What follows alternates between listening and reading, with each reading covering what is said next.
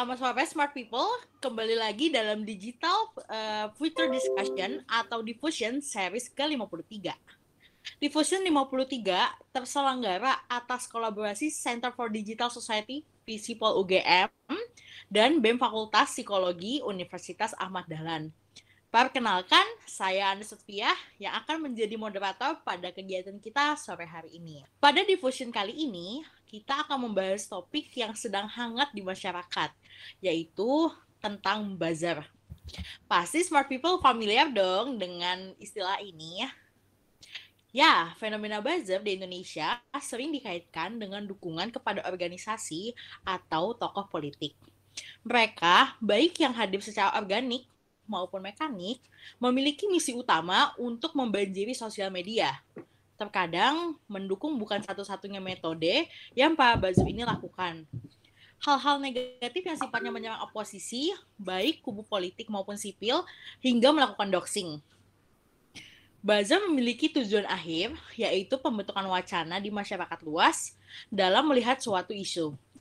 Menjadi pertanyaan besar dan menarik, hmm, apakah masyarakat benar-benar bisa terpengaruh oleh pancingan yang diberikan oleh para buzzer ini? Oleh karena itu, pada diffusion ke-53 sore hari ini akan membahas lebih dalam uh, mengenai isu buzzer, terutama pengaruh psikologisnya terhadap masyarakat. Kita telah menghadirkan dua pembicara yang sangat luar biasa pada sore hari ini uh, izinkan saya untuk memperkenalkan masing-masing pembicara.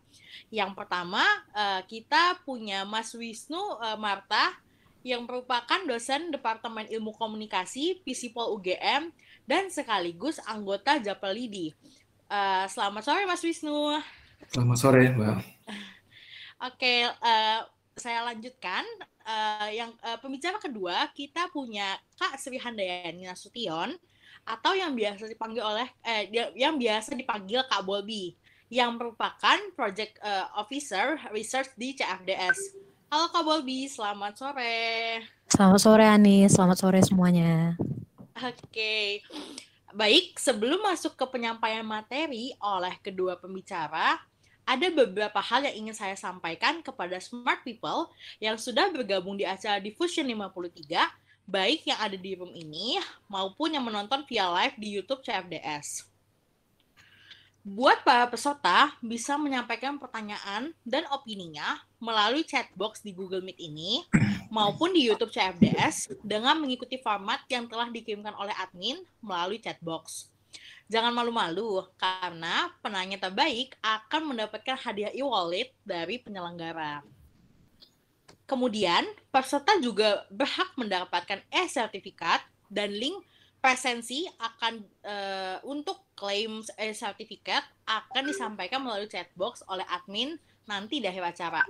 Jadi, pastikan ya smart people mengikuti diskusi ini sampai akhir. Oke, langsung saja kita menuju ke pemaparan materi oleh pembicara kita yang akan diawali oleh Kak Bobby. Silakan Kak Bobby untuk memaparkan materi. Uh, terima kasih Anis. Uh, selamat sore semuanya.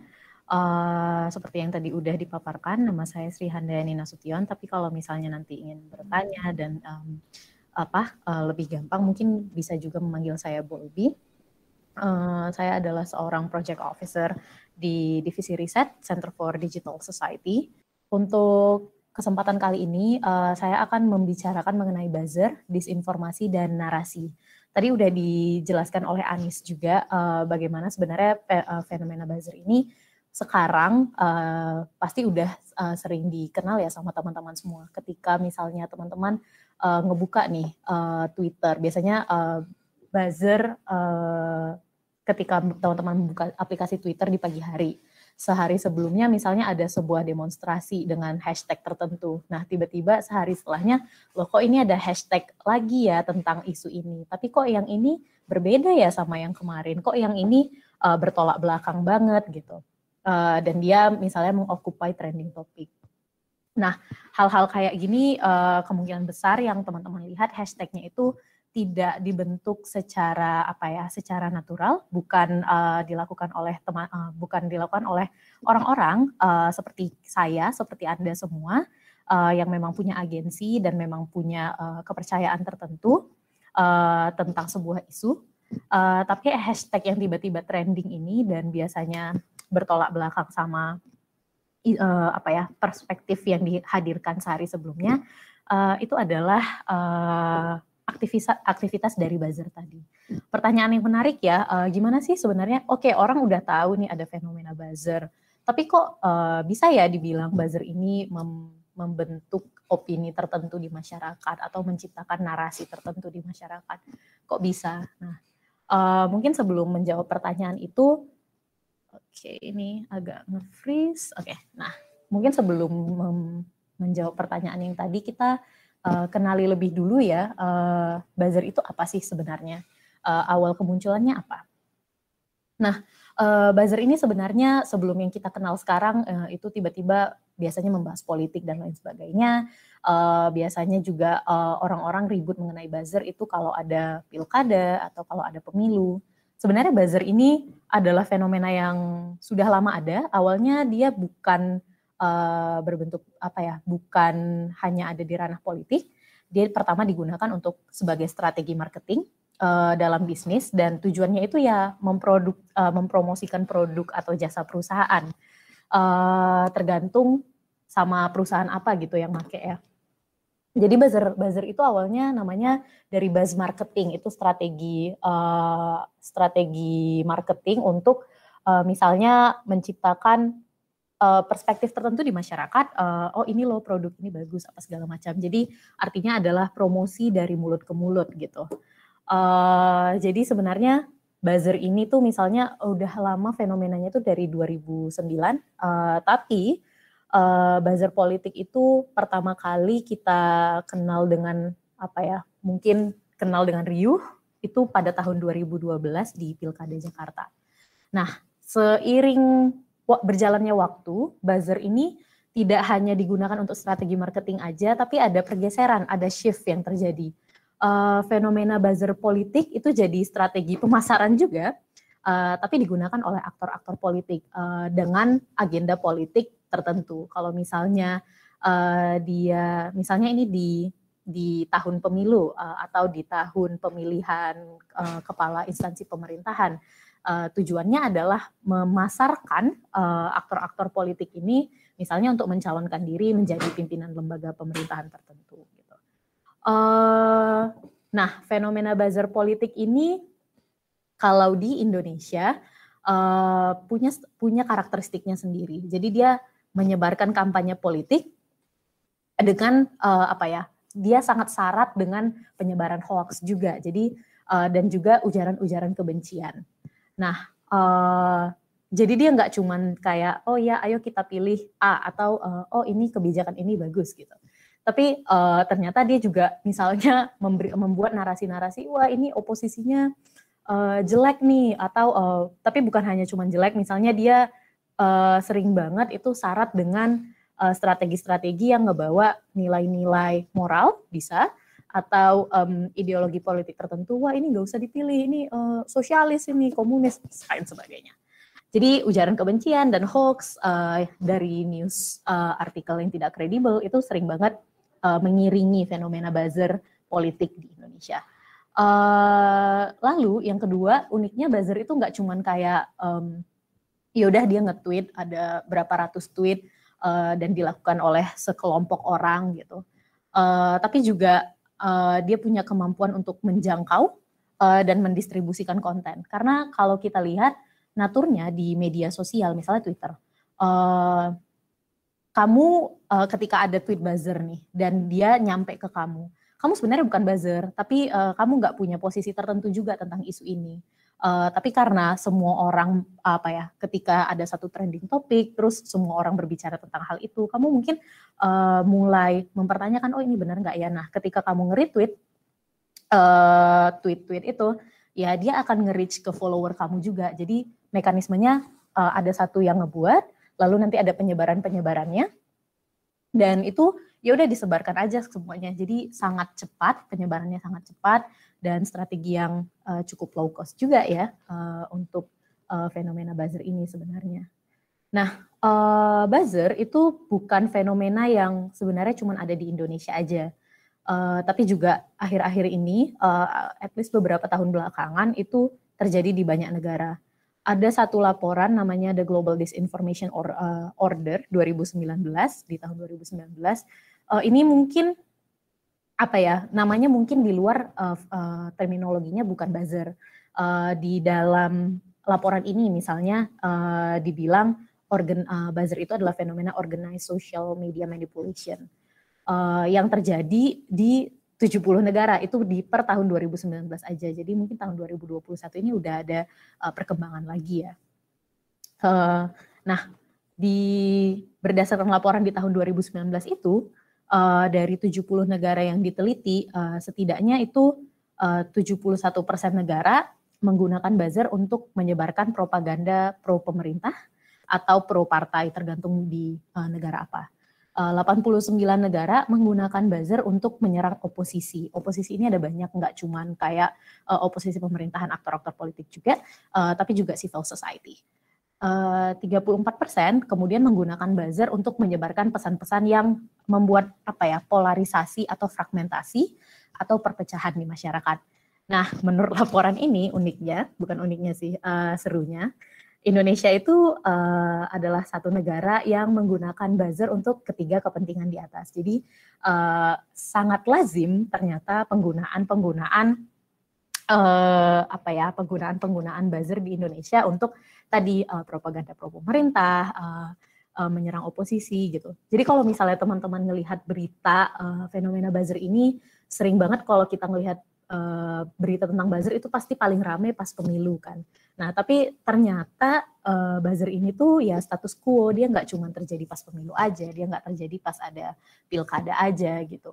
Uh, tapi juga ketika uh, ini ada uh, apa ya sekarang sekarang ini misalnya ada satu rancangan undang-undang uh, atau ada isu-isu tertentu, buzzer itu adalah sebuah fenomena yang sangat lazim digunakan untuk ya um, mungkin kasarnya menggiring opini, membentuk opini uh, di masyarakat uh, terhadap isu tertentu.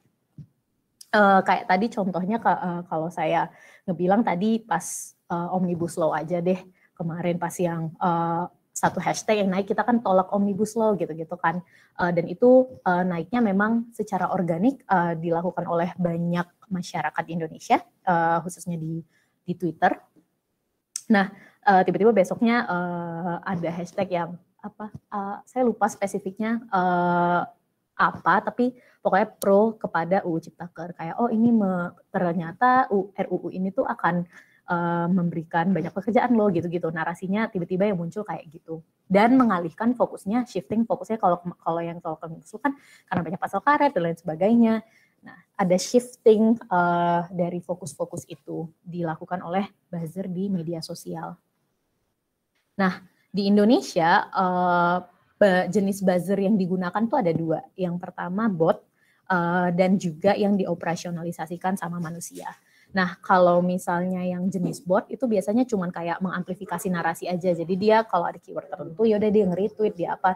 Dan gampang ya mungkin kalau kita ngelihat um, akun-akun bot ini uh, kalau dia udah nggak jelas dia kerjanya cuma nge-retweet. Nah, itu ada besar kemungkinan dia adalah buzzer uh, jenis bot.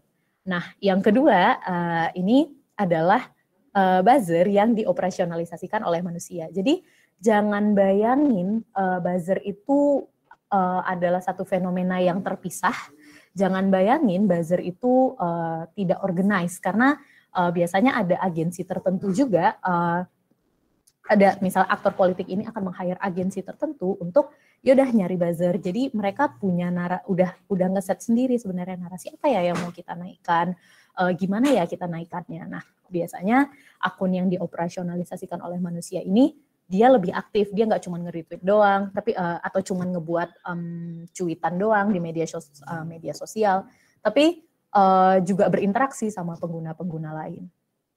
Uh, nanti di akhir uh, di seksi terakhir di presentasi ini mungkin uh, saya akan memberitahukan sebenarnya karakteristik buzzer itu gimana uh, dan misalnya teman-teman nanti uh, setelah uh, acara ini mungkin uh, bisa melihat gimana buzzer-buzzer itu. Nah ini yang tadi uh, saya bilang ya, jadi uh, fenomena buzzernya itu udah ada dari pilkada, uh, bukan udah ada, tapi ramai di pilkada 2012 Jakarta, lalu lanjut lagi ke pemilu, uh, lalu juga di pilpres kemarin di tahun 2019, uh, terus juga di tahun 2020 kemarin uh, ada uh, penggunaan buzzer untuk yang RUU Cipta Kerja, dan uh, tadi kan ada karakteristiknya buzzer itu karakteristik politiknya adalah eh karakteristik buzzer politik adalah um, menyerang oposisi. Nah, ketika kalau teman-teman ingat uh, kemarin itu ada um, kasus uh, di mana bintang Emon diserang. Uh, bintang Emon adalah seorang komedian uh, yang membahas mengenai isu novel yang uh, disiram oleh air keras gitu. Uh, jadi itu adalah isunya. Nah besoknya tiba-tiba ada buzzer yang uh, bilang uh, bintang Emon ini pakai ganja lah atau apalah, eh, pakai sabu lah atau apa uh, narkotika. Nah itu uh, buzzer-buzzer itu adalah contoh tadi uh, penyerangan terhadap oposisi. Nah ini pemerintah membayar uh, buzzer untuk dorong RUU itu adalah apa ya uh, contoh di mana buzzer uh, dikerahkan tidak di saat-saat pemilu saja, uh, tapi untuk uh, mendukung narasi-narasi pro pemerintah gitu. Nah, uh, kita kembali kemudian ke pertanyaan, kok bisa ya? Uh, kita udah tahu nih buzzer apa? Uh, kita tahu sebenarnya uh, mereka memproduksi, uh, memproduce um, cuitan-cuitan uh, ataupun postingan-postingan di media sosial yang uh, kualitasnya agak dipertanyakan sering-sering pakai uh, link-link yang tidak kredibel uh, misalnya mereka men apa ya mem, me, mengklaim sesuatu terus menyertakan link itu biasanya berita-berita dari source yang nggak jelas. Nah kita udah tahu nih tapi kenapa ya uh, se impactful itu? Uh, mungkin uh, salah satu jawaban yang bisa saya offer tentu ini bukan salah satu uh, bukan satu-satunya jawaban tapi salah satu jawaban yang bisa saya offer sebagai causesnya adalah uh, di Indonesia itu kita udah terjadi penetrasi internet yang sangat besar. Uh, kalau nggak salah sekit, uh, di tahun 2020 uh, 70% menurut Asosiasi Penyelenggara Jasa Internet Indonesia itu setidaknya udah 70% masyarakat Indonesia yang terkoneksi terhubung kepada internet. Tapi uh, penetrasi internet yang sangat besar ini tidak diiringi dengan misalnya literasi digital uh, masyarakat yang um, bagus gitu. Kita cuman punya skor kalau nggak salah itu 3,47 uh, dari skornya 5, uh, skor keseluruhannya adalah 5 dan itu masih dianggap biasa aja ya udah sedang gitu. Jadi uh, ketika semua orang enggak, ketika hampir semua orang sudah memiliki koneksi terhadap internet, uh, tapi orang-orang ini tidak memiliki kemampuan untuk memfilter uh, hoax itu apa, uh, uh, ini informasi yang kredibel atau enggak, ya gampang aja uh, untuk orang-orang ini ya termakan oleh narasi-narasi uh, yang dibawa oleh buzzer. Walaupun misalnya narasi-narasi yang kalau kita kalau kita yang melihat narasi-narasi yang dibawa di buzzer ini nggak jelas sebenarnya kayak mereka cuma nuduh-nuduh wah ini si A komunis si B sosialis gitu-gitu. Atau kayak um, dia melanggar uh, apa dia melanggar uh,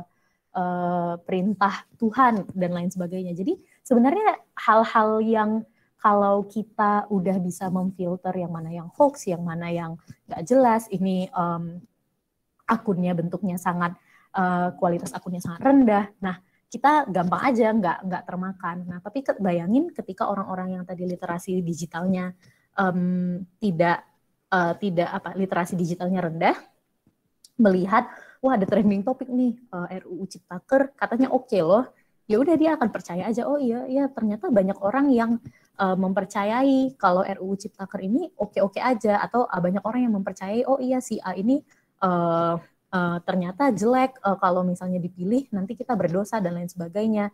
Ya ketika dia tidak punya informasi yang cukup dia akan mempercayai oh ya berarti banyak yang percaya berarti benar dong uh, informasi itu gitu. Dan dia nggak akan nggak akan meng, apa ya mempertanyakan lagi informasi yang dia dapatkan di internet.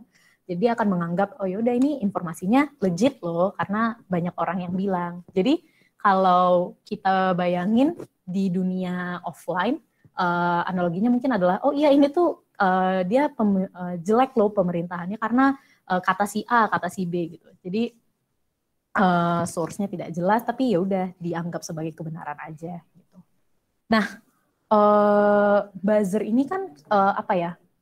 Banyak banget uh, banyak penelitian uh, yang mengatakan kalau misalnya buzzer penelitian terdahulu buzzer atau tadi uh, dengan terminologi-terminologi yang berbeda ya kalau di Indonesia buzzer, kalau tadi ada terminologi juga um, cyber troops dan lain sebagainya itu adalah fenomena yang bahkan bisa mempengaruhi demokrasi. Uh, ada adalah sebuah fenomena disinformasi yang uh, bisa me, apa ya threaten uh, menjadi ancaman kepada demokrasi karena tadi sering digunakan oleh uh, pemerintah, sering digunakan untuk menggiring opini, sering digunakan untuk mendelegitimasikan atau uh, apa ya menyalahkan oposisi dari pemerintah gitu.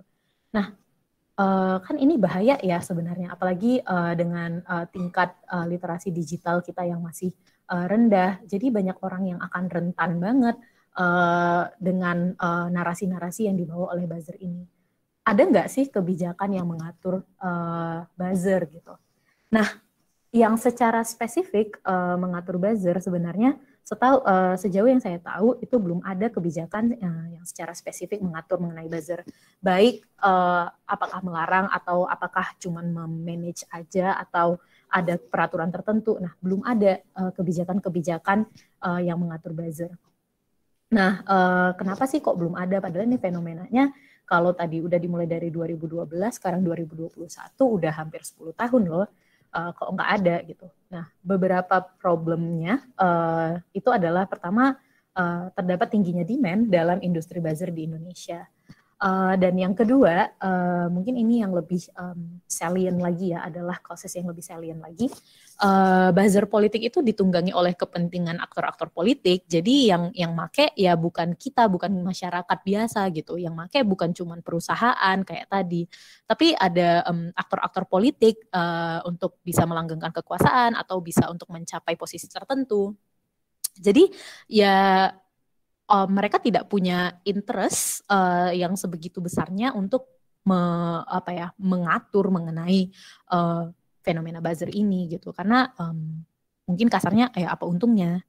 Yang kedua uh, yang terakhir mungkin uh, regulasi yang jadi kemarin ada apa wacana kalau misalnya buzzer itu akan diatur di uh, revisi UU ITE gitu kan. Uh, nah problemanya lagi-lagi kalau kita bicara uh, eh, UU ITE itu kan ada banyak ya uh, ada pasal-pasal karet dan lain sebagainya. Nah, regulasi yang dirumuskan atau yang sekarang digunakan dalam status quo itu ya berpihak lagi kepada aktor-aktor politik ini yang ngegunain pasal-pasal karet um, mengenai misalnya um, bukan uh, yang mengenai uh, defamation atau uh, pencemaran nama baik yang banyak ngegunain ya uh, aktor-aktor politik yang banyak ngegunain ya politisi gitu uh, yang diuntungkan ya mereka gitu jadi um, jadi itu tantangan-tantangan yang kita temui sekarang kalau misalnya kita mau menanyakan aturan kebijakan atau yang mengatur buzzer itu ada atau enggak. Nah, ada kemarin wacana juga uh, untuk merumuskan RUU etika informasi uh, yang didu yang didorong oleh PKB tapi uh, sejauh yang saya tahu uh, RUU etika informasi ini tidak menjadi apa ya uh, options yang sang uh, yang diinginkan. Dia tidak terlalu desirable. Karena lagi-lagi kita kemarin uh, konsiderasinya adalah ya uh, kayaknya lebih gampang untuk merevisi UU ITE aja gitu. Nah, mungkin uh, kalau kita berbicara mengenai uh, buzzer, buzzer kan uh, naturnya dia adalah uh, baik yang dioperasionalisasikan oleh manusia ataupun di bot, dia kan di platform tertentu ya. Ada buzzer yang ada di Twitter, ada buzzer yang ada di Facebook, dan ada buzzer yang ada di media sosial lainnya. Nah, jadi mungkin ada tanggung jawab platform di situ untuk um, apa ya memfilter um, memfilter konten-konten yang uh, konten memfilter konten-konten yang uh, dinilai mungkin bisa um, mengancam uh, kebebasan berekspresi ataupun demokrasi. Nah, mungkin salah satu peraturan yang relevan, uh, saya nggak bisa nggak bilang kalau ini adalah bisa kita gunakan untuk uh, apa ya uh, untuk mengatasi masalah buzzer enggak tapi mungkin peraturan yang relevan adalah uh, peraturan Menteri Kominfo nomor 5 tahun 2020 tentang penyelenggara sistem elektronik uh, lingkup privat. Nah, jadi dia mengatur tentang tanggung jawab platform dalam konten-konten uh, yang dihasilkan oleh pengguna atau user generated content. Okay. Tapi ada juga um, apa ya problema uh, tertentu di user generated uh, di peraturan ini. Pertama, dia peraturannya uh, level peraturannya itu masih tidak sekuat itu. Dia bukan sebuah undang-undang satu. Nah, yang kedua juga ada um, apa ya perdebatan di dalam uh, peraturan ini. Misalnya apa yang didefinisikan sebagai uh, um, konten bermuatan uh, negatif atau konten yang dianggap bisa mengancam dan lain sebagainya. Jadi pun di peraturan yang uh, relevan ini masih ada permasalahan-permasalahan lagi. Uh, jadi so far pengaturan buzzer itu masih belum ada Nah, eh, bagaimana sih cara melihat isu secara lebih jelas di tengah ramainya buzzer yang selalu berdengung di sosial media? Kita tahu ada narasi yang dibawa oleh buzzer. Eh, kita eh, tahu ada disinformasi ataupun eh, apa ya agenda-agenda politik yang menunggangi hadirnya buzzer. Uh, gimana ya cara biar bikin masyarakat itu uh, tidak termakan sama narasi-narasi ini misalnya uh, mungkin karena tadi saya ngepoint out tentang terendahnya uh, literasi digital yang bisa dilakukan di level pemerintahan atau di level CSO uh, eh, dan orang-orang yang relevan lainnya itu adalah ya udah kerjasama multi stakeholder uh, dalam program-program peningkatan literasi digital masyarakat. Um, mungkin ini bisa di nanti dielaborasi sama Pak Wisnu ya uh, karena Pak Wisnu adalah anggota Japelidi. Uh, nah ketika kita bisa meningkatkan kemampuan literasi eh, digital masyarakat, kemampuan masyarakat dalam mengidentifikasi informasi yang eh, nggak uh, kredibel, yang uh, mengandung hoax dan lain sebagainya, uh, kita bisa mencegah penyebaran-penyebaran um, apa ya, uh, kita bisa mencegah terbentuknya narasi-narasi uh, yang dibawa buzzer ini gitu di di uh, masyarakat gitu. Untuk sekarang kalau di level individu uh, kita uh, coba kenali jenis informasi, cuitan atau tagar yang beredar. Apakah itu narasi-narasi yang dibawa oleh buzzer atau enggak? Gimana caranya? Uh, beberapa karakteristik uh, konten yang disebarkan oleh buzzer itu biasanya uh, satu uh, memiliki sumber identitas akun yang gak jelas. Uh, nanti uh, kalau kita lihat biasanya mereka kalau yang bot itu gampang banget diidentifikasikannya itu angkanya banyak lah atau gimana.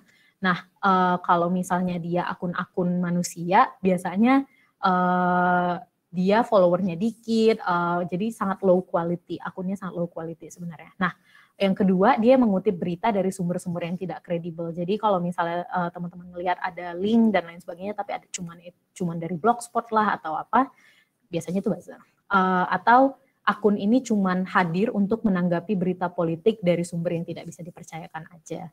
Uh, yang keempat mungkin uh, ini gampang banget dilihatnya. Jadi natur copy paste uh, biasanya tweetnya itu mirip sama tweet ratusan akun lainnya, tapi yang dibilang sama gitu kata per kata gitu. Jadi mereka cuma nge-copy paste uh, sesuatu aja dan jadi bentuknya kayak spam. Uh, yang selanjutnya mungkin aktif secara berlebihan. Uh, dia sangat mempro, uh, dia baru misalnya dia baru di, dibuat bulan ini, tapi dia udah ada 10.000 tweetnya gitu. Nah, itu biasanya um, adalah akun-akun buzzer gitu. Nah, uh, yang selanjutnya mungkin yang tadi uh, jangan terlalu mempercaya akun-akun yang uh, baru saja diciptakan kayak baru diciptakan tiba-tiba nanti Juni 2021, tapi um, udah banyak tweetnya, terus yang dikutip link-link nggak jelas. Nah, uh, mungkin kira-kira itu aja kalau misalnya teman-teman uh, sebagai individu mau tahu uh, yang mana yang buzzer, yang mana yang enggak uh, itu aja untuk uh, presentasi saya uh, kali ini gitu ya. Uh, tadi uh, jangan lupa kalau misalnya teman-teman melihat uh, apa ya fenomena buzzer ini adalah fenomena yang sebenarnya bukan hanya di pemilu-pemilu saja atau di uh, di uh, pesta politik tertentu saja, tapi juga hadir uh, setiap hari uh, di uh, apa ya setiap harinya gitu. Jadi dia bukan fenomena yang tidak lazim. Uh, mungkin ketika teman-teman ngebuka Twitter setiap pagi ada hashtag yang nggak jelas, kemungkinan besar itu adalah buzzer. Gitu. Jadi uh, pembentukan sorry pembentukan narasi uh, menggunakan buzzer uh, itu adalah hal yang sangat memungkinkan karena yang tadi saya bilang uh, tingkat penetrasi internet yang sangat besar di Indonesia itu tidak dibarengi dengan peningkatan literasi digital yang um, apa ya yang seimbang juga tidak proporsional uh, makanya jadilah tadi uh, kenapa orang-orang bisa mempercayai narasi-narasi yang dibentuk uh, oleh buzzer yang sangat terkoordinasi ini. Jadi dia enggak apa ya, enggak enggak fenomena yang terpisah. Uh, ketika kita melihat buzzer jangan jangan anggap dia hanya satu atau dua orang saja, tapi uh, anggaplah dia sekelompok tertentu karena memang dia uh, biasanya organize. Gitu kira-kira uh, Anis, uh, terima kasih uh, atas waktunya uh, untuk pemaparan yang pertama. Saya akan kembalikan ke Anis ya. Oke, uh, terima kasih banyak Kak Bobby atas pemaparan yang luar biasa serta menambah uh, pengetahuan baru buat kita, terutama uh, mengenai uh, buzzer ini.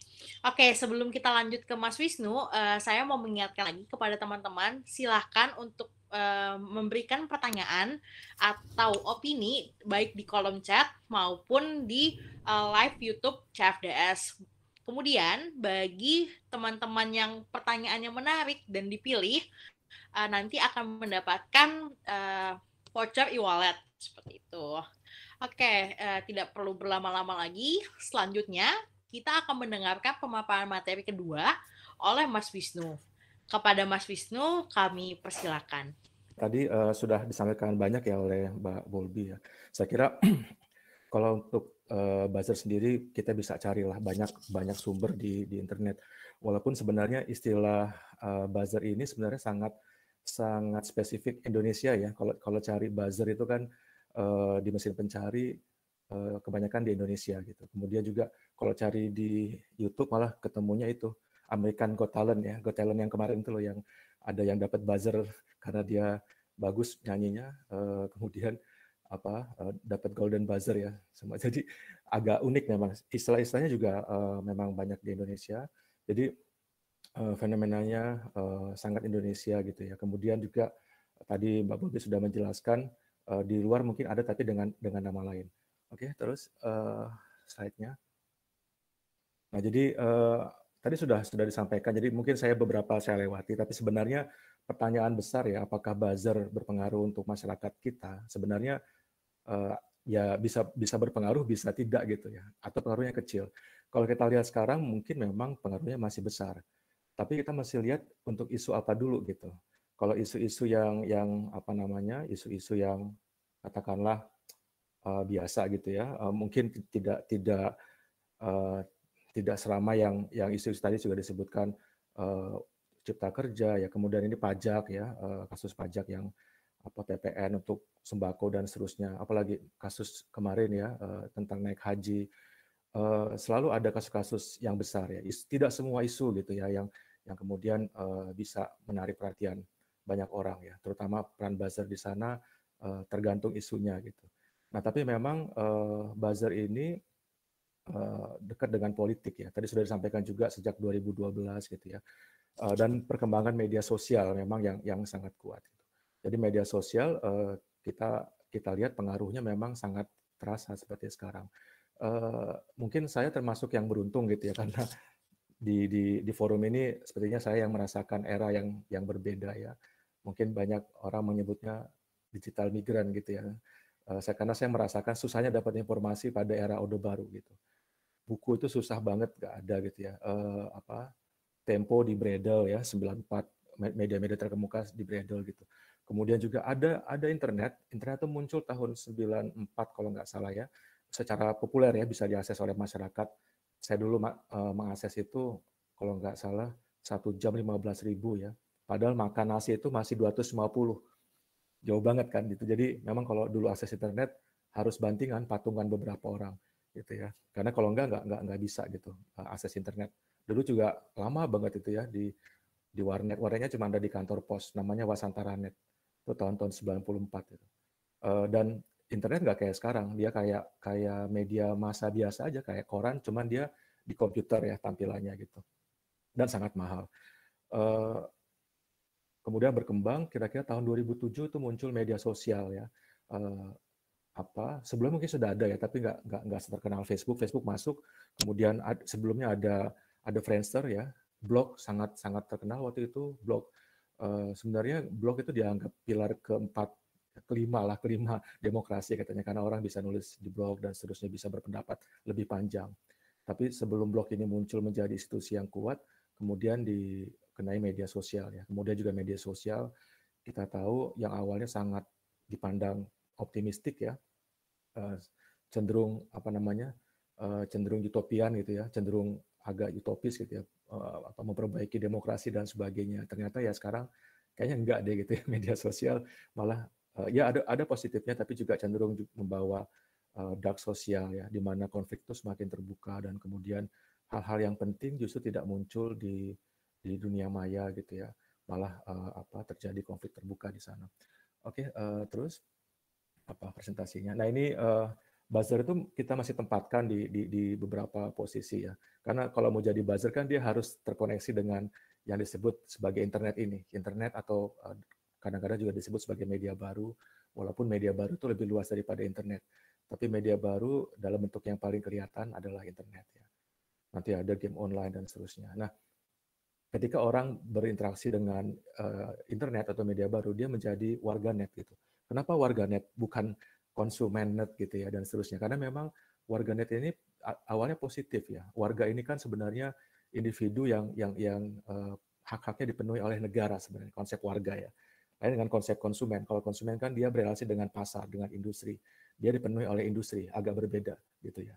Nah, sementara negara ini kan dia punya kewajiban untuk mendukung hak-hak warga.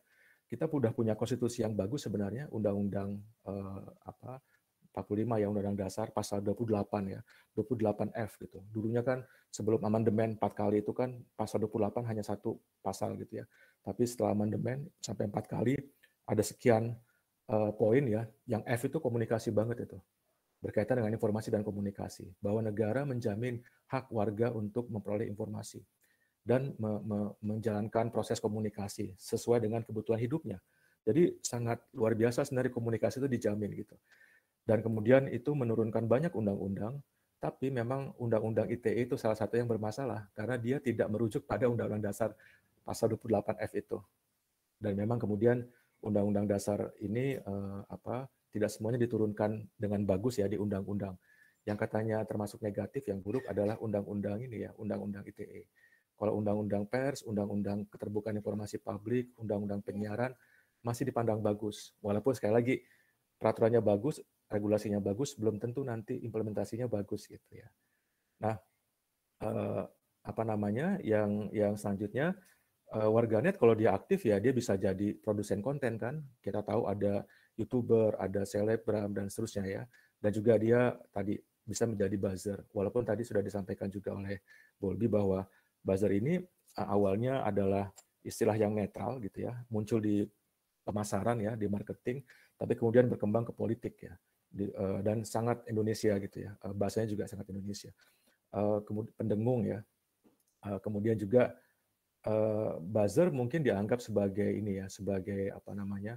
individu atau kelompok yang bisa tidak dikenali, bisa berlindung di anonimitas dunia maya dan seterusnya gitu. Tapi ada satu lagi yang sebenarnya kelanjutan dari realitas real, realitas sosial, yaitu uh, influencer ya. Ini cenderung dia sudah menjadi opinion leader sebelumnya ya. Uh, apa namanya yang kemudian dia uh, uh, menyampaikan argumennya opininya di di dunia maya ya di media sosial yang itu dikenal sebagai call ya key opinion leader. Dan dia lebih lebih dikenal gitu. Dan memang memiliki banyak pengikut karena dia aktif sangat aktif di media sosial gitu ya sangat aktif produksi konten dan generasi sekarang kan sangat aktif ya produksi konten gitu ya jadi uh, apa influencer ini sering disandingkan dengan dengan buzzer walaupun punya pengertian yang sedikit berbeda. Nah, kalau buzzer memang kemudian uh, bergeser maknanya jadi peyoratif ya, cenderung negatif dan hanya membela pihak yang yang yang sesuai dengan keinginan dia gitu ya. Baik secara ideologi maupun secara profesional gitu ya, dibayar dan seterusnya. Dan memang uh, kalau berdasarkan undang-undang dasar ya nggak uh, boleh nggak boleh dihalangi gitu ya. Ini kan era demokrasi Indonesia kan negara demokrasi ketiga gitu ya di dunia gitu. Sehingga nggak boleh kalau kemudian dilarang, disensor dan seterusnya gitu. Tapi memang eh, kadang-kadang ya apa di atas kertas dengan kondisi real belum tentu sama gitu ya. Uh, yang paling ditakutkan adalah justru apa namanya benturan antar kelompok masyarakat ya, bukan cuma oleh aparat hukum ya atau aparat negara. Oke, okay, terus kemudian uh, yang selanjutnya ini secara umum ya efek efek negatif dari media baru, termasuk juga di media sosial. Nah, ya bila sebelumnya media media baru ya media sosial juga menjadi sumber informasi yang baru gitu ya tapi kenyataannya sekarang uh, ada beberapa yang yang bisa kita dapat dari media sosial ya. Misalnya kalau di Jogja itu ada forum Info Cigatan Jogja gitu ya. Itu sangat sangat memberikan informasi yang aktual. Kadang-kadang lebih lebih dulu daripada pers gitu, lebih dulu daripada uh, media berita gitu.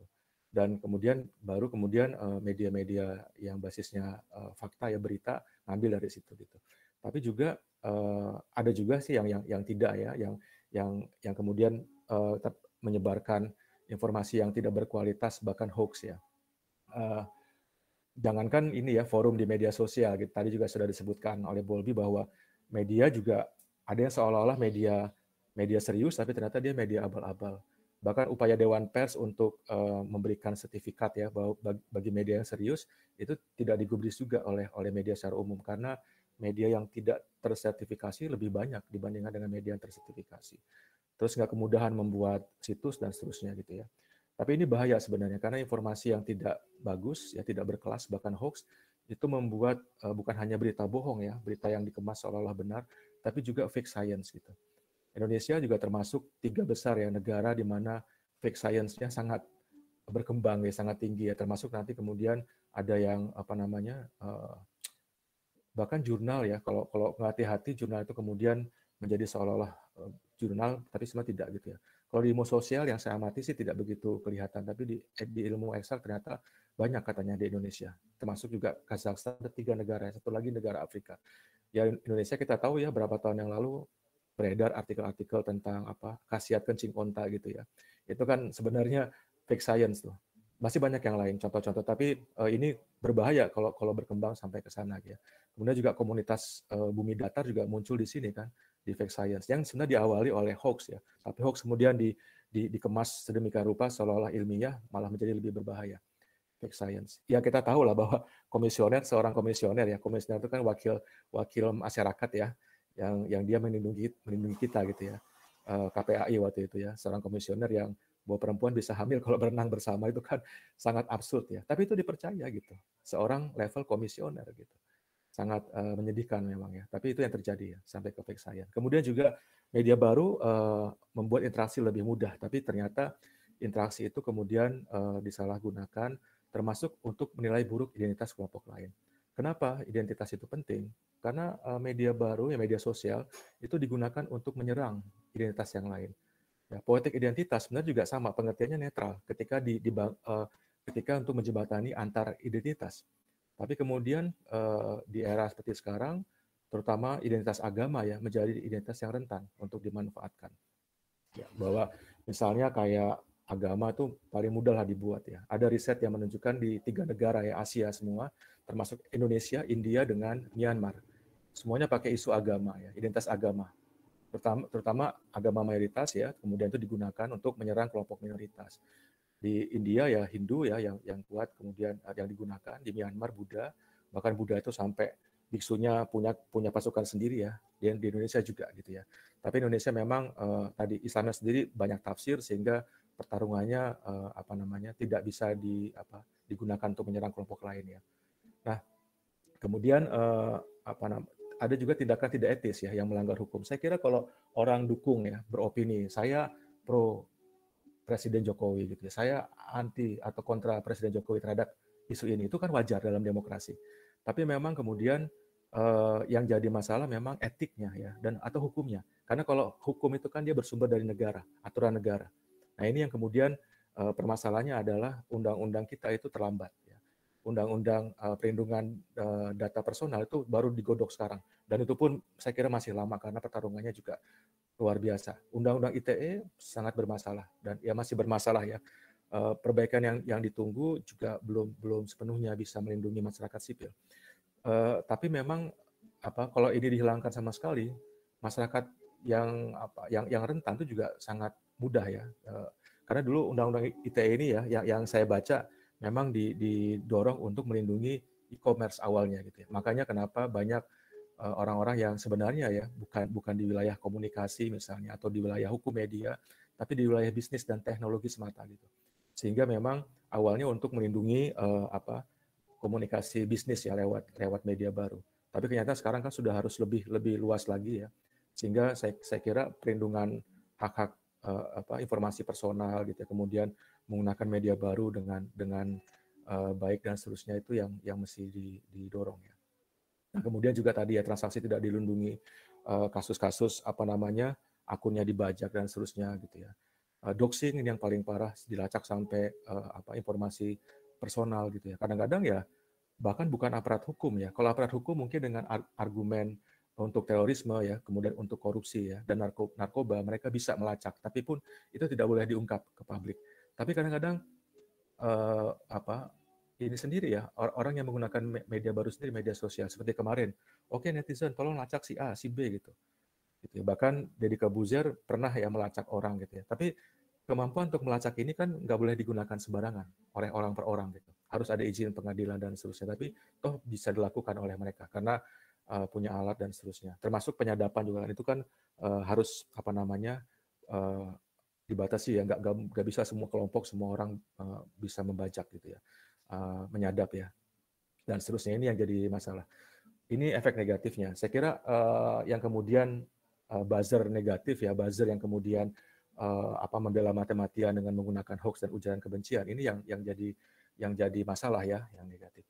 Oke, uh, terus selanjutnya uh, yang selanjutnya saya kira apa namanya masih uh, masih kita lihat masyarakat Indonesia ya uh, apa masyarakat Indonesia sendiri kalau kita lihat tadi berhasil apa tidak di masyarakat ya tergantung tadi masyarakat yang mana gitu. Karena memang secara uh, walaupun secara umum uh, apa sudah menggunakan media baru ada 61,8 persen tadi juga disebutkan oleh Bolbi ya uh, dan apa namanya sangat sangat besar ya hitungannya kalau untuk negara apa namanya dunia dunia ketiga lah ya dan termasuk kalau media sosial kan pernah ditasbihkan sebagai ibu kota Twitter tuh paling ramai dan seterusnya gitu ya.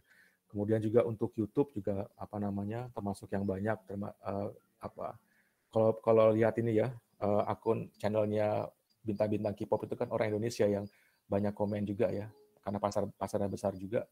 Termasuk cuek aja komen pakai bahasa Indonesia misalnya gitu ya. Yang terakhir ini uh, berita hari ini kan apa saya lupa tapi ada balapan motor itu ada pembalap yang diancam dibunuh oleh netizen Indonesia karena itu tadi ya apa namanya dianggap melanggar uh, pemotor Indonesia gitu. Yang sebelumnya juga gitu. Dianggap apa namanya paling tidak sopan. Nah, uh, apa namanya? Uh, Mas Wisnu, ya? mohon maaf uh, waktunya yang tersisa lima menit lagi. Terima kasih. Oke, okay. Okay. Ya, ya. Tapi juga uh, jangan jangan dilupakan ya walaupun uh, di dunia maya ini di internet kita juga sudah naik ya 61,8 persen, tapi penetrasi TV itu masih lebih tinggi. Walaupun televisi turun ya dari tahun 2016 itu 96 persen, kemudian menjadi 86 persen di tahun 2020 kemarin. Tapi TV ini TV konvensional maksudnya ya, bukan TV digital ya, itu penetrasinya masih lebih tinggi dibanding dengan internet. Makanya kemarin kasus apa namanya uh, pemeran yang 15 tahun itu kan sangat ramai ya. Apa-apa yang di TV itu lebih ramai sebenarnya. Tapi memang karena TV itu sifatnya satu arah, dia media massa ya, tidak ada perbincangan gitu ya. Dan makan cenderung TV itu satu arah ya dikuasai oleh uh, pemiliknya. Tadi narasinya dibangun oleh mereka dan wacananya dikuasai oleh mereka. Jadi uh, apa namanya masih cukup dominan ya, masih di atasnya media sosial. Dan jangan lupa uh, kita juga soal-soal gitu, wah bermedia sosial, bermedia baru gitu ya, masyarakat digital dan seterusnya, tapi masih ada 1,9 persen masyarakat Indonesia yang buta huruf. Itu data BPS tahun lalu, 2020. 1,9 persen itu gede loh. Ada sekitar 35 juta. 35 juta orang Indonesia tidak bisa membaca. Kita mungkin di perkotaan, di Jogja ya senang-senang aja ya, wah kita udah bermedia sosial, tapi ada sekitar itu yang sangat yang sangat banyak ya, berapa sekolah ya, berapa kampus tuh. Nah, Uh, jadi tetap harus harus kita lihat uh, apa masyarakat kita yang yang beragam itu tadi, termasuk identitas ya. Identitas itu dia melekat gitu ya ke di, di masyarakat dan ini yang dimanfaatkan. Nah tadi identitas itu ada lima yang yang yang yang paling mudah, yang paling yang paling besar ya. Ada agama, kemudian kelas gitu ya. Undang-Undang Cipta Kerja kemarin itu sebenarnya juga memanfaatkan uh, sentimen kelas ya, identitas kelas gitu ya. Bagaimana kemudian buruh di di vis dengan dengan apa kelompok uh, pemodal dan seterusnya. Padahal mungkin isunya bukan di sana gitu. Isunya adalah uh, apa namanya pemenuhan hak-hak warga negara untuk hidup dengan lebih baik ya, mendapatkan pekerjaan dan seterusnya. Yang ketiga usia, usia juga merupakan identitas yang mudah dibenturkan gitu ya. Kaum tua versus kaum muda dan seterusnya. Gender juga begitu. Uh, untuk isu-isu tertentu ya gender ya laki-laki perempuan bisa dibenturkan. Kemudian bangsa, etnis ya dan seterusnya. Bahkan kalau untuk untuk untuk dibuat konflik ya, kadang-kadang kesukaan band saja itu bisa menjadi masalah kalau di Indonesia gitu ya. Ini yang jadi baik. Apalagi kalau tadi politik ya, uh, posisi politik, uh, pilihan dan seterusnya itu juga jadi sangat mudah untuk di apa namanya untuk dimanfaatkan. Nah mungkin uh, langsung aja ke slide terakhir. Nah apa yang bisa kita lakukan gitu ya? Uh, ya tadi sudah juga disampaikan. Saya kira yang yang penting adalah memperkuat literasi uh, warganet ya. Saya kira uh, bagaimana literasi warganet ini akan akan di, diperkuat gitu ya. Tadi sudah sudah apa dimunculkan ya lewat Japelidi ya ada 10 literasi digital ya kompetensinya gitu. Walaupun sebenarnya uh, sama ya seperti CFDS juga bergabung di siber kreasi ya. Tapi uh, sudah dilakukan uh, kampanye yang massal saya lihat dua, dua minggu ini gitu ya. Tapi mungkin perlu di, di, dilakukan upaya yang lebih keras untuk uh, apa namanya akar rumput ya, bagaimana muncul di, di, di masyarakat desa dan seterusnya. Kemudian bagaimana mengelola media sosial karena justru media sosial uh, model aplikasi percakapan itu ya grup di, di kampung-kampung ini yang lebih lebih rentan kalau nggak hati-hati gitu. Kemudian juga uh, yang berikutnya adalah mengenalkan aturan normatif ya, etika dan hukum. Nah, etika ini kan sumbernya masyarakat. Nah, masyarakat harus harus bisa mengatur dirinya sendiri. Minimal misalnya di, di RT saya sendiri saya mengatur gitu ya. Jadi nggak boleh uh, apa posting ABC gitu ya. Uh, itu di level RT gitu. Karena kalau tidak uh, akan lebih bahaya. Juga di level keluarga. Nah, saya sendiri merasakan di keluarga saya sejak 2014 itu lebih bermasalah. Tapi kemudian bikin pengaturan sendiri. Oke, kita nggak boleh ngomongin politik gitu ya. Kita harus ngomongin keluarga sendiri. Uh, politiknya sangat seru, tapi nggak mau tanya sama anggota keluarga yang lain lagi ngapain dan seterusnya. Nah, sampai ke level mikro itu, etik yang dibangun antar antar keluarga gitu, antar keluarga juga gitu. Nah, kalau hukumnya ya oke lah itu itu sudah sudah ada, udah banyak produk hukum saya kira, tinggal implementasinya saja gitu ya. Termasuk undang-undang ITE yang diperbaiki, termasuk undang-undang perlindungan data privat yang harusnya cepat dibuat karena kalau tidak kita semakin rentan ya. Ini NIK kita ini kan kalau nggak hati-hati boleh-boleh kita ngomongin di media baru ya eh, kemarin jadi bungkus nasi kok gitu ya ini masih hati-hati gitu ya dan kemudian data BPJS kemarin juga jebol kalau kalau nggak hati-hati yang rugi adalah masyarakat termasuk data iktp itu kalau nggak hati-hati berbahaya gitu ya kenapa karena yang, yang paling rentan adalah kita sebagai warga kalau kalau dalam uh, apa internet kalau kalau tidak dilindungi warga Oke, saya kira itu nanti bisa bisa diskusi banyak. Saya kira masih masih ada hal yang menarik uh, tadi uh, banyak kasus-kasus yang bisa kita diskusikan. Terima kasih Mbak Anis. Oke, uh, terima kasih banyak Mas Wisnu uh, atas pemaparannya yang luar biasa dan juga menambah pengetahuan kita terkait dengan uh, buzzer dan literasi digital dan lain-lain. Oke, mungkin sebelum masuk ke sesi Q&A, uh, saya uh, izin bertanya dulu secara langsung baik ke Kak Bolbi maupun ke Mas Wisnu. Untuk pertanyaan ke Kak Bolbi, uh, itu keuntungan apa sih yang sebenarnya didapat bazar selain bayar gitu? Apakah mereka uh, dapat keuntungan, oh ternyata toko politik saya jadi lebih naik dan lain sebagainya.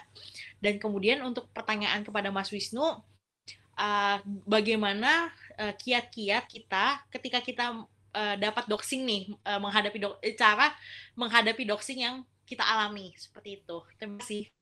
Uh, tadi kan uh, saya udah menjelaskan kalau misalnya kita ngelihat fenomena buzzer ini, uh, kita nggak bisa ngelihatnya sebagai fenomena yang terpisah. Dia bukan fenomena yang dilakukan seorang individu aja. Jadi dia organize.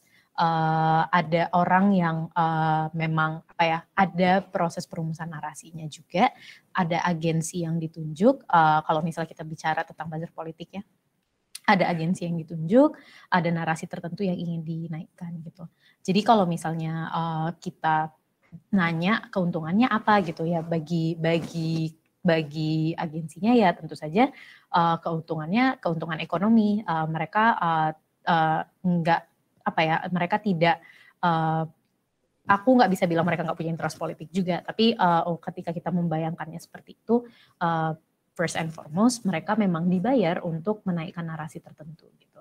Jadi memang ada uh, bukan politik uang juga, tapi memang kayak kayak kita nge-hire orang untuk jadi PR aja gitu. Nah, tapi PR-nya ini ada banyak, ada satu tentara gitu, tentara di cyber. Kira-kira itu keuntungannya. Oke, baik. Terima kasih Kak Bolwi atas jawabannya. Mungkin kita lanjut ke jawaban Mas Wisnu. Ya, uh, saya kalau nggak salah seminggu yang lalu ya di wawancara Kompas uh, tentang itu ya doxing ya kan ketika ada seorang selebgram yang kemudian minta uh, apa followernya melacak ya seseorang. Ya kemudian tapi dia minta akhirnya minta maaf ya dan nggak jadi. Memang itu melanggar hukum ya karena Eh, nggak bisa kemudian orang per orang melacak kemudian dibuka gitu ya. Di kan dibuka, kemudian dibuka ya dia di mana informasi privatnya gitu itu yang nggak boleh gitu ya. negara harus melindungi. Nah pun kalau misalnya dilakukan ya ada ada kecurigaan uh, apa namanya uh, oknum penegak keamanan misalnya melakukan ya laporkan saja. Karena juga ya sama ya kayak apa uh, profesi yang lain mungkin tidak semua penegak hukum juga paham ya persisnya kayak apa gitu. Uh, laporkan aja memang kalau itu sudah sudah uh, doxing gitu ya terjadi doxing uh, laporkan ke polisi gitu ya. Kemudian memang uh, elemen masyarakat sipil ini kan punya ini ya punya jejaring ya. Tadi uh, dalam dalam 10 uh, kompetensi literasi digital yang dikembangkan oleh Japalidi itu sebenarnya banyak ya banyak banyak kompetensinya. Uh, dan Japalidi itu merangkum dari berbagai macam kompetensi. Uh, apa ada 10 itu tapi yang yang dua terakhir itu memang kolaborasi dan partisipasi. Nah, kolaborasi ini yang juga sering dilakukan sekarang apa saya kira SafeNet ya teman-teman SafeNet juga melindungi. Ya kemarin juga begitu ada apa doxing kan uh, dikasih tahu bahwa itu melanggar hukum dan seterusnya gitu ya.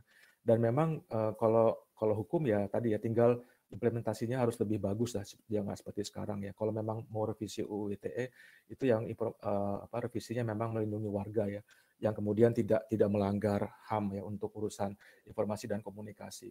Kemudian juga uh, apa untuk untuk etiknya etik ini saya uh, biasanya kalau di, di di profesi ya kayak di wartawan kan ada etika etika jurnalis uh, kemudian di PR juga ada etika office PR officer ada ada kode etik periklanan nah mungkin juga harusnya ada uh, kode etik konten kreator tapi yang membangun adalah komunitasnya sendiri profesinya negara nggak terlalu campur di sana kalau etika ini dibangun oleh masyarakatnya sendiri, dia akan lebih bagus. Gitu. Eh, memang sih mas, pemerintah atau negara bisa mendorong, tapi tidak tidak tidak harus terlibat ya. Kasus kode etik jurnalistik kan sebenarnya itu didorong oleh Dewan Pers ya, asosiasi profesi kayak AJI, PWI dan seterusnya membentuk kode etik itu. Nah, yang memang belum belum banyak ya, ya ini untuk yang media sosial misalnya. Seperti apa sih konten? Kalau konten kalau konten itu muncul kayak apa? Mungkin juga ada kode etik buzzer ya kan juga sudah muncul tuh kode etik polling ya. Kalau kalau polling itu kan dia harus terbuka. Uh, metodenya bisa dibuka di publik, bisa diverifikasi betul nggak nih metodenya dan seterusnya. Mereka sudah punya itu asosiasi uh, polling itu ya. Kalau bikin polling ya dia harus terbuka. Ya sama. Kalau kalau buzzer ya mestinya dia harus firm. Ini informasinya harus harus betul-betul berbasis data. Bisa nggak gitu kan? Opini itu kan memang uh, pro kontra ya. Tapi kadang-kadang opini itu bisa membuat orang belajar. Dalam opini ya selalu ada tiga, tiga publik ya, publik pro, publik kontra. Tapi yang paling banyak selalu publik netral. Siapa publik netral ini? Publik yang menunggu, dia mau pro atau kontra. Nah, ketika dia menunggu ini, dia harus diberikan informasi yang tepat, sehingga dia bisa memilih opini yang sesuai dengan pengetahuan dia. Nah, tapi tadi, ini yang, yang cenderung tidak muncul. Dan kemudian isu itu harus dibangun oleh kepentingan publik betulan. Bukan bukan tadi, bukan pakai uh, bot dan seterusnya ya. Bukan kemudian isu itu kan isu itu ya berkaitan dengan kehidupan bersama, bukan soal-soal apa namanya orang selingkuh atau apa gitu ya itu kan urusan lain. Tapi kan di sini kan digabungkan. Ketika ada yang katakanlah selingkuh ya penyanyi kemudian digabungkan oh dia dulu pendukung capres nomor ini gitu ya. Jadi malah ke sana? Politik juga. Nah isu itu harus betul-betul eh, berkaitan dengan masalah kehidupan bersama gitu ya. Bukan hal-hal yang tadi selebriti selebritas dan seterusnya gitu. Nah ini yang yang bisa kita dorong. Nah makanya sama-sama berpartisipasi dan berkolaborasi untuk isu-isu penting ya. Termasuk kalau Japalidi kan uh, kampanye untuk hoax ya, hoax pandemi kemarin gitu ya. Kemudian juga uh, memberikan apa namanya informasi tentang penggunaan masker ya dalam 45 bahasa daerah gitu ya. Kalau tahun lalu karena apa Japelidi yang aktif seperti itu, koordinatornya waktu itu Mbak Novi Kurnia ya, juga dosen komunikasi UGM yang jadi koordinator Japelidi kan mendapat penghargaan dari Kompas ya sebagai apa namanya wakil dari masyarakat yang mendorong ya mendorong penanganan pandemi jadi lebih baik. Kan penanganan pandemi kita dua sebenarnya. Pandeminya sendiri dan yang kedua hoaxnya. Ini hoaxnya juga berat kan sampai sekarang masih aja itu yang muncul ya. Uh, kalau hoax kalau hoax pandemi ini bukan hanya Indonesia, seluruh dunia. Kalau hoax hoax politik mungkin ya sangat sangat kuat di Indonesia. Uh, apa tapi dengan bahasa dengan istilah yang berbeda terjadi di tempat lain. Tapi kalau hoax hoax pandemi ini di mana-mana dan pemanfaatannya juga lintas ini ya lintas negara gitu ya. Saya lihat bagaimana uh, kalau Eh, kebetulan saya meneliti tahun lalu ya dengan melihat identitas apa yang disampaikan di, di hoax pandemi itu. Biasanya kalau negara yang jelek itu pasti India, Cina, um, Rusia itu jelek, sama Israel. Kalau negara yang bagus, uh, kemungkinan Amerika kadang-kadang sama Palestina. Loh ini kayak apa nih? Kok bisa sampai ke sana? Ternyata hoax juga dilekatkan oleh uh, pada identitas tadi, gitu ya. Selalu dilekatkan pada identitas dan kemudian dibangun siapa kami, siapa kamu, dan itu kemudian dibuat pemisahan yang tegas bahwa kami yang benar, kamu salah kami ini adalah korban, kamu adalah pelaku kejahatan dan seterusnya. Nah, jadi uh, memang kemudian buzzer ini tidak semata-mata ke ke pelakunya ya, tapi informasi apa yang dia bawa, kemudian efek apa yang dia timbulkan, itu yang lebih lebih uh, menjadi concern kita, saya kira. Itu Mbak Anis. Oke, baik. Terima kasih Mas Wisnu uh, atas jawabannya. Baik, langsung saja kita akan membacakan beberapa pertanyaan uh, dari Smart People yang telah disampaikan melalui chatbox YouTube, Google Meet, dan Google Form pendaftaran. Uh, untuk sesi Q&A ini akan terbagi menjadi dua dan di masing-masing uh, sesi terdapat tiga pertanyaan yang telah dipilih. Baik, uh, untuk pertanyaan pertama uh, dari Nabila dari UGM, uh, bagaimana sebenarnya uh, cara kita harus menghadapi buzzer pada tingkat per individu. Uh, kita tahu bahwa pembiayaan buzzer, katakanlah buzzer pemerintah yang telah membela kebijakan pemerintah yang tidak memihak masyarakat itu tidak baik. Tapi rasa-rasanya percuma kalau didebatkan atau mendebat. Tapi kalau tidak didebatkan, ya kesal sendiri dan malah seolah mengamini opini mereka. Menurut pembicara, uh, counter attack seperti apa yang sebaiknya kita lakukan? Mungkin satu pertanyaan dulu yang saya sebutkan nanti duanya menyusul.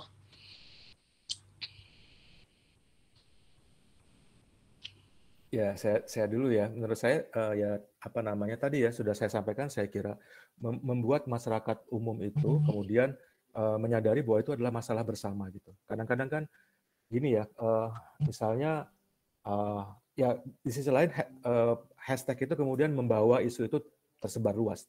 Tapi di sisi lainnya lagi dia justru malah membagi kelompok-kelompok tertentu gitu ya. Nah, uh, apa kalau kita lihat ya misalnya kasus uh, apa UU Ciptaker ya kemarin itu ya. Kalau saya lihat orang kebanyakan ya mereka nggak nggak gitu ngerti kok gitu ya. Ya kalau kalau anak muda, mahasiswa atau pekerja ya, pekerja yang kemudian berasosiasi mereka akan akan akan mudah paham dengan isu-isu. Tapi kalau masyarakat yang luas itu apa sih binatang apa sih itu Ciptaker gitu ya? Apa sih saya kalau pas uh, kumpul di pos ronda gitu, pas ngobrol-ngobrol dengan masyarakat, ya minimal di RT saya pada bingung gitu mereka apa ya. Kemudian baru uh, kita ceritakan ke, ke mereka. Dan uh, apa mereka juga bukan bukan pengguna media sosial yang aktif ya seperti generasi muda kita ya. Uh, apa kalau yang usianya 40-an ke atas mereka lebih banyak komunikasi sosial di pos ronda di pasar-pasar ya di cakru ya di apa namanya di perempatan kalau pas ngumpul sore gitu ya. Walaupun ada pandemi kadang-kadang mereka masih ngumpul ya uh, apa dengan prokes. Biasanya biasanya yakin kalau cuma lingkungan sekitar gitu. Nah kadang-kadang untuk isu-isu tertentu mereka nggak paham dengan bahasa yang yang mungkin bagi mereka itu bahasa anak anak sekolahan gitu ya. Nah ini yang kemudian bagaimana mendorongnya gitu ya. Uh, pun juga dengan dengan uh, apa namanya generasi muda yang mahasiswa itu tadi mereka sendiri uh, mesti di apa namanya memberikan pemahaman yang yang tadi dengan bahasa yang mudah gitu. Kadang-kadang kan tadi juga sudah disampaikan efek negatifnya adalah ketika langsung didekatkan pada isu dan mereka harus bersikap pro dan kontra, mereka tidak bisa menyimak. Ini informasi apa sih gitu? Apa sih yang yang bisa saya dapat dari sini? Bagaimana saya mempelajarinya gitu? Nggak bisa gitu. Kalau dia langsung pro kontra, dia harus baca dulu. Nah, tapi memang uh, era media sosial yang semua serba bergegas itu tidak membuat ada kesempatan untuk membaca. Apalagi uh, tadi ya literasi itu kan tidak cuma kemampuan pada aksara membaca dan menulis, tapi memahami teks itu yang yang saya kira generasi sekarang turun ya. Uh, baru baca dikit udah kecapean gitu, kadang-kadang gitu.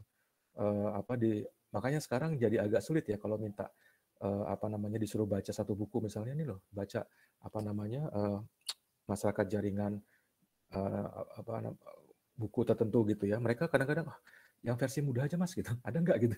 Akhirnya carinya yang versi mudah gitu. Padahal sebenarnya mereka harus baca yang yang lebih dalam dari itu gitu ya.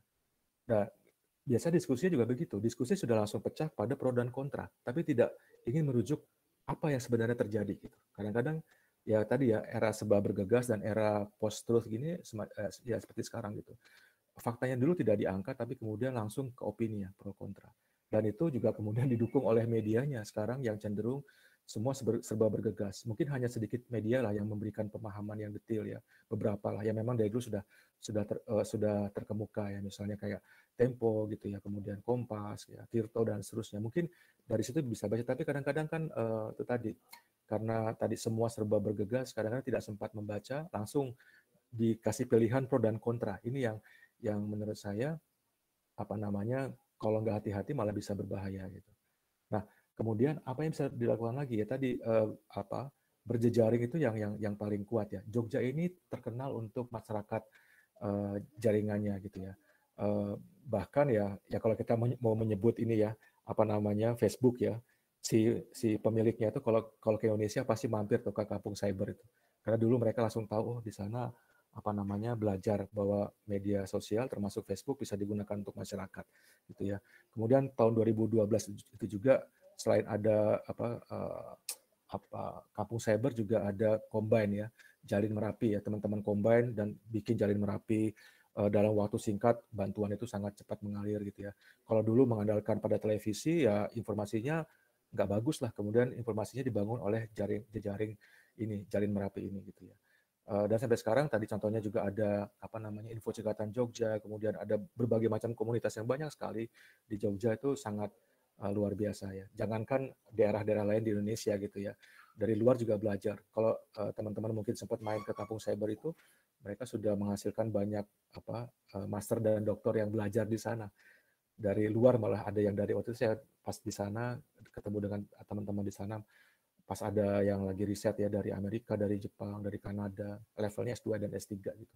Waktu sebelum pandemi ya, saya kira uh, orang lain aja belajar gitu, ya, apalagi kita yang di Jogja, misalnya bisa juga mendapatkan inspirasi dari mereka.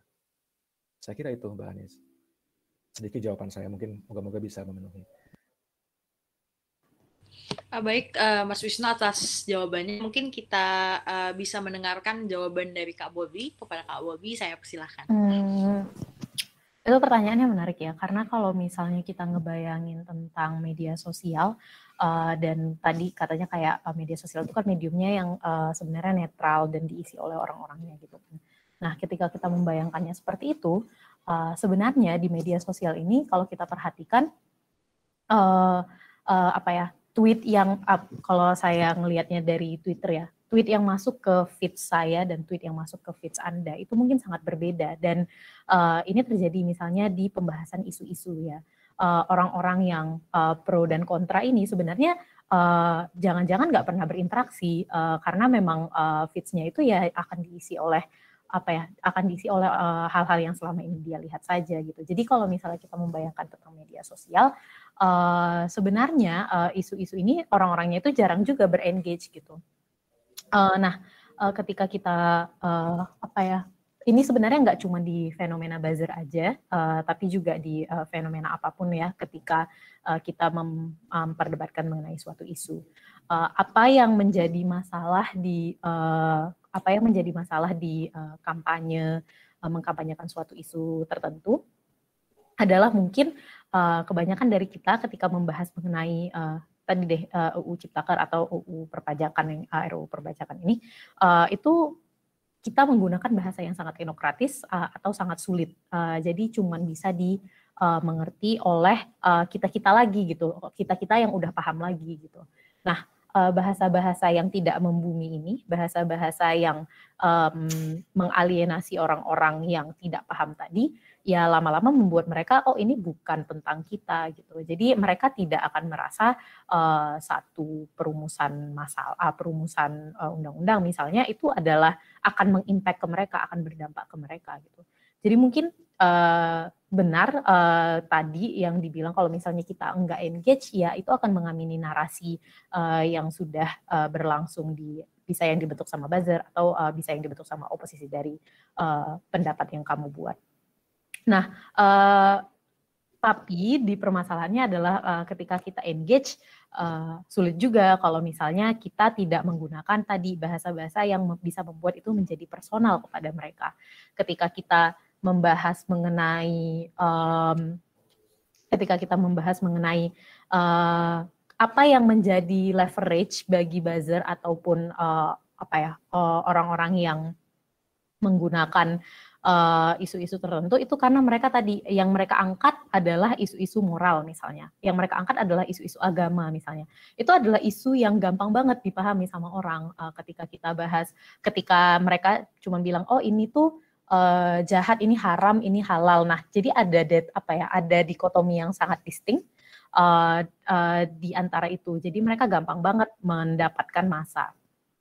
Sedangkan kita membahasnya misalnya uh, dari perspektif yang lebih redistributif gitu kan. Nah, ketika kita tahu uh, pembahasan kita itu lebih kompleks uh, daripada yang mereka bawa, uh, buatlah gimana caranya uh, bahasanya itu jangan mengalienasi, uh, jangan uh, mengeksklud orang-orang dari pembicaraannya, uh, tarik uh, sebisa mungkin dari pengalaman, bukan pengalaman, dari uh, apa ya, dari hal yang mungkin dia pahami gitu misalnya tadi uh, eh, RUU Ciptaker oh, ada banyak orang yang kayak oh ini kan cuman akan berdampak kepada buruh gitu. Mereka nggak paham kalau misalnya oh iya kita juga buruh loh. Kita kita yang ada di di uh, di profesi apa pun itu juga kita adalah tenaga kerja loh. Kita akan uh, terdampak juga gitu. Nah hal-hal ini biasanya miss gitu. Makanya biasanya mereka lebih cukup kuat karena gampang mereka menyederhanakan isu-isunya. Kira-kira itu sih Oke, baik. Terima kasih uh, Kak Bolbi atas jawabannya. Uh, saya lanjut ke pertanyaan selanjutnya. Uh, ini pertanyaannya dikhususkan untuk uh, Mas Wisnu. Hmm. Bagaimana pendapat Mas Wisnu atas fenomena propaganda komputasional di Indonesia pada Pilpres 2014 dan 2019? Meski studi OII menyebut uh, skala dan strategi propaganda komputasional di Indonesia masih kecil dan sederhana, bagaimana proyeksi fenomena serupa di Pilpres 2024? Kepada Mas Wisnu, saya persilakan.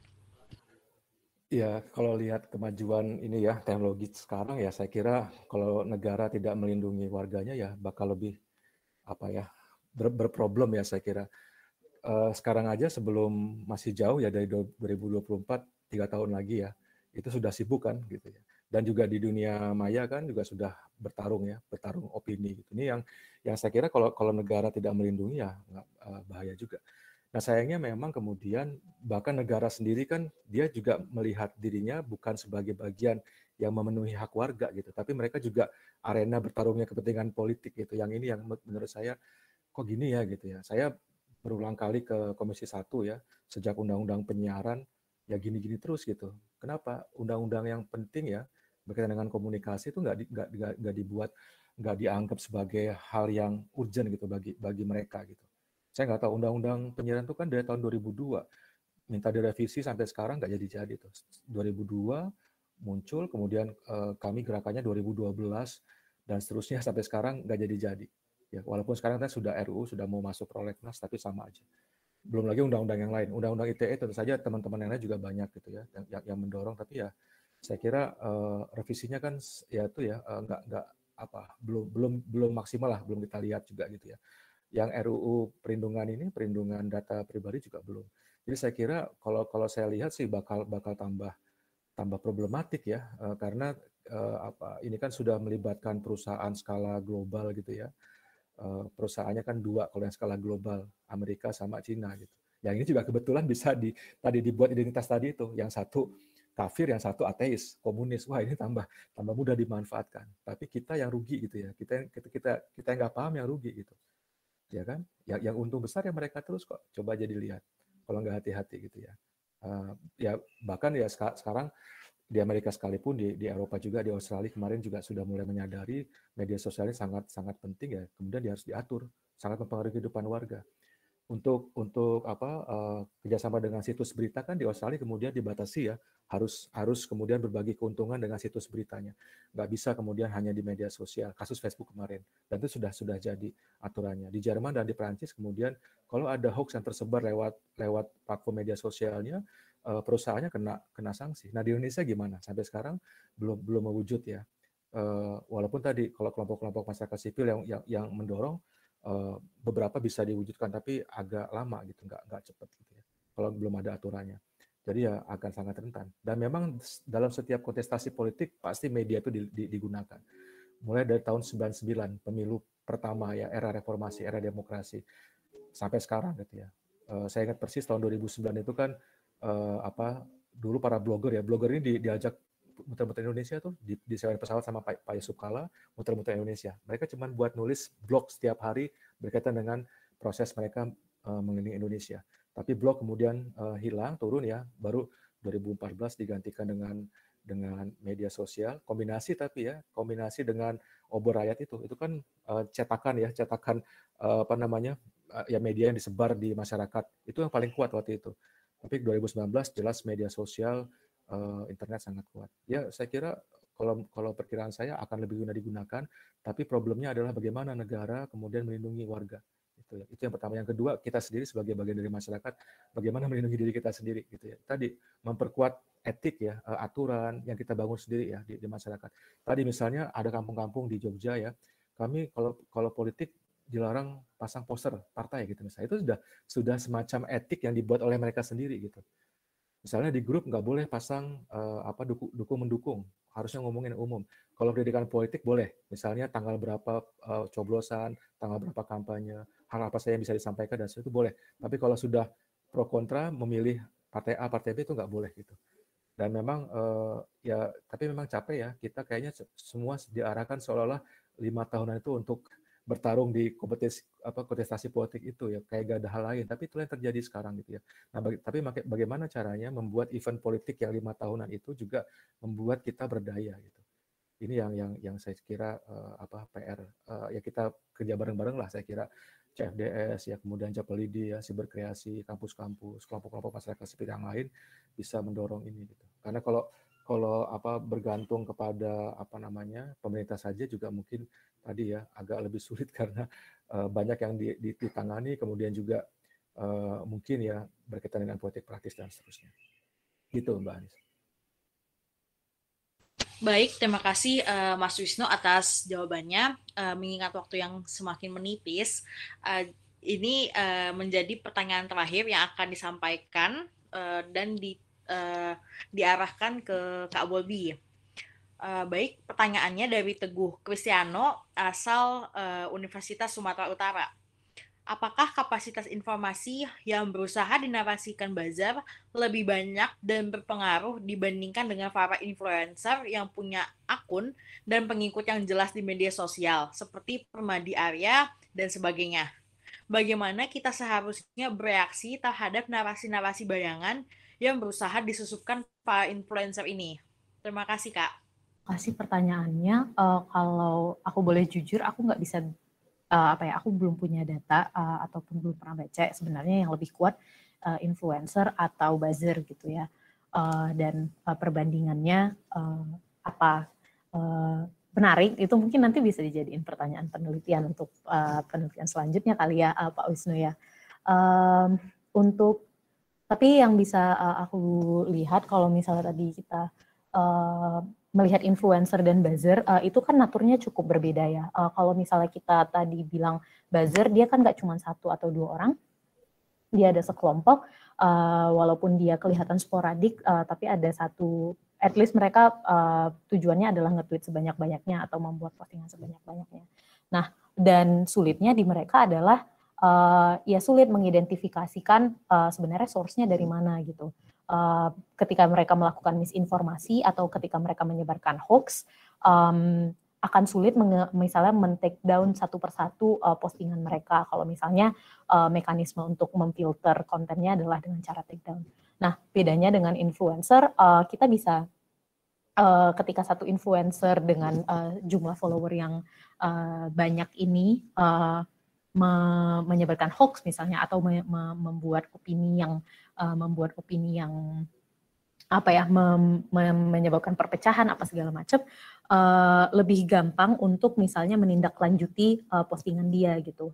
Uh, akan banyak uh, walaupun orang-orangnya tidak influencer tapi akan banyak pengguna-pengguna yang nanti akan semacam melakukan check and balance system uh, kepada opini yang dia buat. Misalnya uh, satu influencer uh, nyebarin hoax tentang uh, covid deh gitu. Kayak kemarin si Jarings gitu. Nah uh, aku bukan mendukung dia uh, apa ya di penjara karena UIT atau segala macam ya, uh, tapi itu uh, akan lebih gampang menindaklanjuti influencer ini. Karena ada satu orang, satu individu yang jelas uh, yang bertanggung jawab atas konten yang dia buat gitu. Nah, ya, jadi kalau misalnya ada influencer yang misalnya nyebarin hoax ya gampang banget uh, sebagai pengguna di uh, media sosial kita membenarkan atau memberikan uh, narasi yang benarnya apa, narasi yang uh, check uh, informationnya apa gitu. Uh, misal kalau di Twitter ada quote tweet, kalau misalnya di Instagram ya bisa dengan uh, postingan pribadi di Instagram Story dan lain sebagainya atau di kolom komentar. Nah, uh, hal ini mekanisme ini nggak bisa dilakukan di buzzer misalnya. Karena ya dia uh, naturnya sangat berbeda tadi. Yang bisa kita lakukan adalah uh, kalau misalnya menandingi buzzer uh, ya kita membuat narasi di uh, apa ya membuat narasi uh, membenarkan narasi yang berjalan. Uh, misalnya ada hashtag yang naik uh, menggunakan hashtag yang sama juga misalnya tapi memberikan narasi-narasi yang benarnya apa gitu. Jadi ketika orang membuka hashtag yang tadi, uh, orang tahu oh ini tuh hashtagnya ternyata hashtag uh, buzzer dan ini sekarang sedang diambil alih. Uh, itu kemarin uh, strategi ini kalau nggak salah pernah digunakan di uh, kemarin yang Black Lives Matter dan Blue Lives Matter itu ya.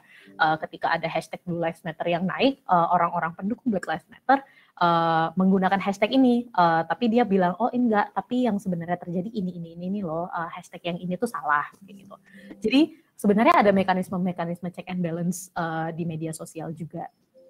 Mungkin itu yang bisa kita lakukan sebagai pengguna, uh, karena kalau tadi buzzer tidak bisa ditindaklanjuti. Nah, kalau yang tadi ada individual yang bisa di take accountable, uh, bukan serta merta kita menuntut dia juga gitu, tapi ada strategi-strategi lain yang uh, bisa mengalihkan narasi yang dia sebarkan. Kira-kira kayak gitu. Oke, baik. Terima kasih Kak Bobby atas uh, jawabannya uh, kita sudah hampir di uh, berada di ujung acara uh, nih teman-teman semuanya. Uh, terima kasih banyak Mas Wisnu maupun Kak Bobby atas insight yang diberikan dari diskusi sore hari ini. Dan untuk uh, smart people yang sudah bertanya, mohon maaf uh, kami dari panitia tidak bisa mengakomodir uh, semua pertanyaan mengingat uh, keterbatasan waktu.